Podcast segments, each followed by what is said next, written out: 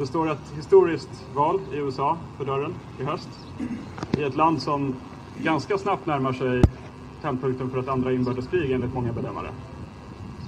Och eh, vad vi har upplevt under våren, vad vi kommer att uppleva under sommaren och hösten, det är just vad vi känner just nu. Första milda brisarna inför en storm som oundvikligen kommer. Och vad är det här för storm då? Det är vår storm. I en storm av väl underbyggd vrede vänder rakt emot fienden och deras vansinniga styre.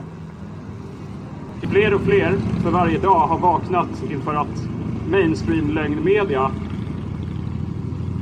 är så genomfalsk att de aldrig mer kommer se den som en objektiv förmedlare av nyheter. De vaknar till att techbolag som Google och Facebook kväser yttrandefriheten på internet och gör det svårare för oss att organisera oss. Vi vaknar till att fienden har finansierat massförflyttningen av människor från tredje världen till västvärlden.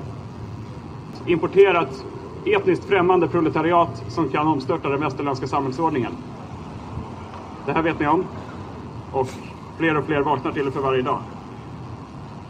Och det är bara en tidsfråga innan vi, vårt folk till fullo inser hur de har finansierat och organiserat det här och hur det går hand i hand med internationell organiserad brottslighet. De är drivna av en enda sak, vill jag påstå. Det är vinstmarginal och deras vinstmarginal har skadat oss på många fler sätt än de flesta tar upp. De har gjort att vår mat är processerad, genmanipulerad och förgiftad. De har gjort att vårt dricksvatten är nedsmutsat med hormonsubstanser och läkemedelsrester. Och gud fan vet vad. Luften fylls av radiovågor och elektroniska signaler som har effekter på våra hjärnor och våra kroppar som vi inte ens får veta om. Fienden bryr sig inte ett skit om de här konsekvenserna som deras nya tekniker medför. Och de gör stora ansträngningar för att vi inte ska kunna förstå dem heller.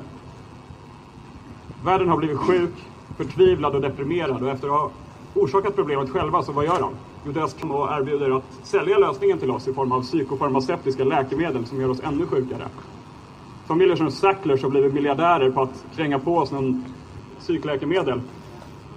Och vilka är det som tar det här då? Det är miljontals människor som lider av deras världsskapelse och som söker en lättnad ifrån den, men som bara får ännu större problem tack vare det. Jag har varit medveten om det här i bara några år och jag har länge betvivlat vad jag har upptäckt. Jag har eh, letat efter sidor och karaktärsdrag hos de här människorna som kan anses som förmildrande eller ädla på något sätt. Men jag har inte kunnat hitta någonting sånt överhuvudtaget.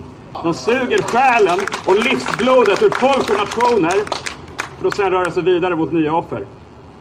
Men vi har fått nog av det och vi har vaknat lite för tidigt för att deras planer ska verkställas till fullo. Deras taktiker för att undvika ett folkligt uppbåd mot deras styre som har fungerat så väl i det förflutna, de kommer inte att fungera den här gången. De har försökt anstifta till krig i Mellanöstern och Ryssland för att avleda vår uppmärksamhet. Det har inte fungerat. De har försökt att, de försöker just nu att uppbåda den vita, eller den svarta majoritet, minoritetsbefolkningen i USA mot en annan del av befolkningen. Jag tror mycket väl att saker har hänt bakom kulisserna i coronapandemin som vi inte känner till ännu men som är av monumental historisk betydelse för den här utvecklingen. Men det kommer inte fungera. De har försökt bedriva hemliga statskupper och mordförsök mot Donald Trump för att han engagerat det amerikanska folket av såväl svarta, vita och andra etniciteter i en mer nationellt gynnsam politik. Och det här hatar de. Det är därför de har försökt stoppa honom. Men det har inte fungerat och det kommer inte fungera. Vi vet att fiendens synder är oförlåtliga och vi skriker ut efter rättvisa. För vår inre blick så kan vi se just det som pågår. Vi ser att områden som en gång var gemytliga och trygga för en generation sedan, de är så otrygga att våra, våra barn kan inte röra sig där på kvällarna längre.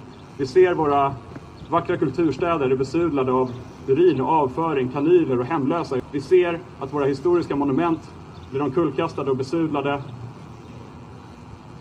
Och vi ropar efter rättvisa. Jag tror att vi går mot väldigt omstörtande tider. Och det är som Arthur Schopenhauer en gång sa, att det är nödvändigheten som tvingar människor att ändra sitt agerande. Vi går mot väldigt prövande tider just nu och framför allt för den del av vårt folk som har levt i ganska stor bekvämlighet. De har kunnat titta på Mello och käka tacos på fredagen. De har kunnat leva i sin personliga bubbla. Men när samhället omstörtas så kommer deras agerande och deras synsätt förändras på nolltid. Och världen kommer att förändras som en konsekvens därefter. Så eh, misströsta inte för vad som ligger framför oss.